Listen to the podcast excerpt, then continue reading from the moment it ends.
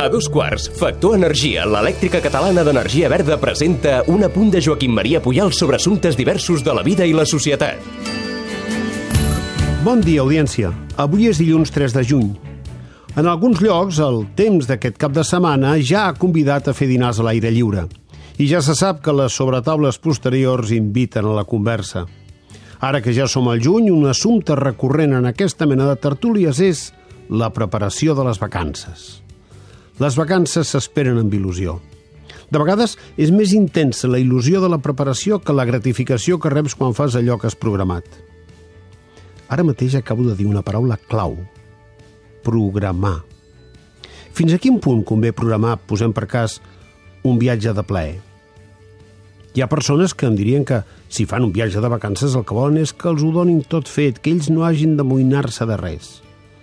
Aquest plantejament coincideix amb la majoria de propostes que ofereixen les agències de viatges, amb l'avantatge addicional que saps els diners que et costarà el paquet bàsic. És la raó de l'èxit del tot inclòs i, en últim cas, de la popularització dels creuers, amb ofertes aptes per grups familiars i tota mena d'economies. T'oblides de tot i només has de pensar passar-t'ho bé, proclamen aquestes promocions.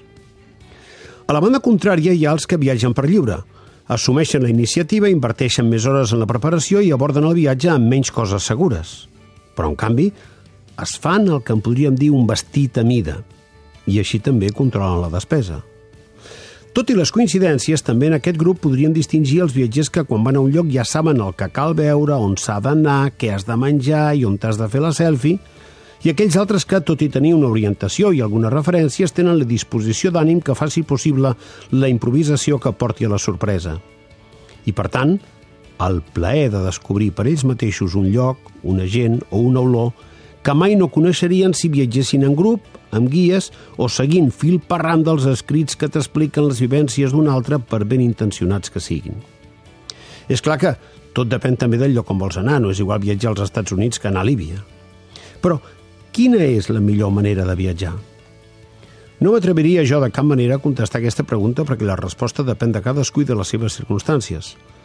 Però si he de ser sincer, he de confessar que m'agrada bastant la idea de viatjar lleuger d'equipatge i amb l'esperit de donar marge a la vivència personal.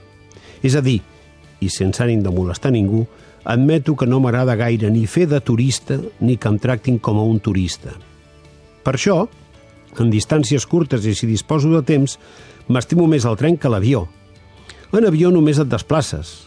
En tren veus també per on passes i pots parlar amb la gent que puja i baixa. En general, prefereixo tastar plats locals que demanar ous ferrats amb ketchup. Admeto que puc ser una mica rar, però així tinc més la sensació de sentir-me un viatger. M'agrada sentir-me un viatger.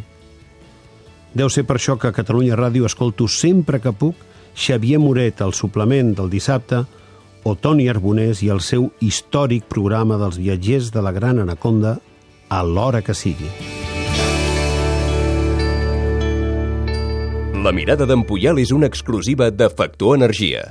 En Manu, el Minimans, manis pels amics, no, no ha contractat la llum a Factor Energia i no, no s'estalvia en 12,5%. Manu, contracteu tots la llum. A factorenergia.cat i no farem més anuncis. Per fi hi ha un altre llum. Factor Energia. Empresa col·laboradora amb la Barcelona Equestrian Challenge.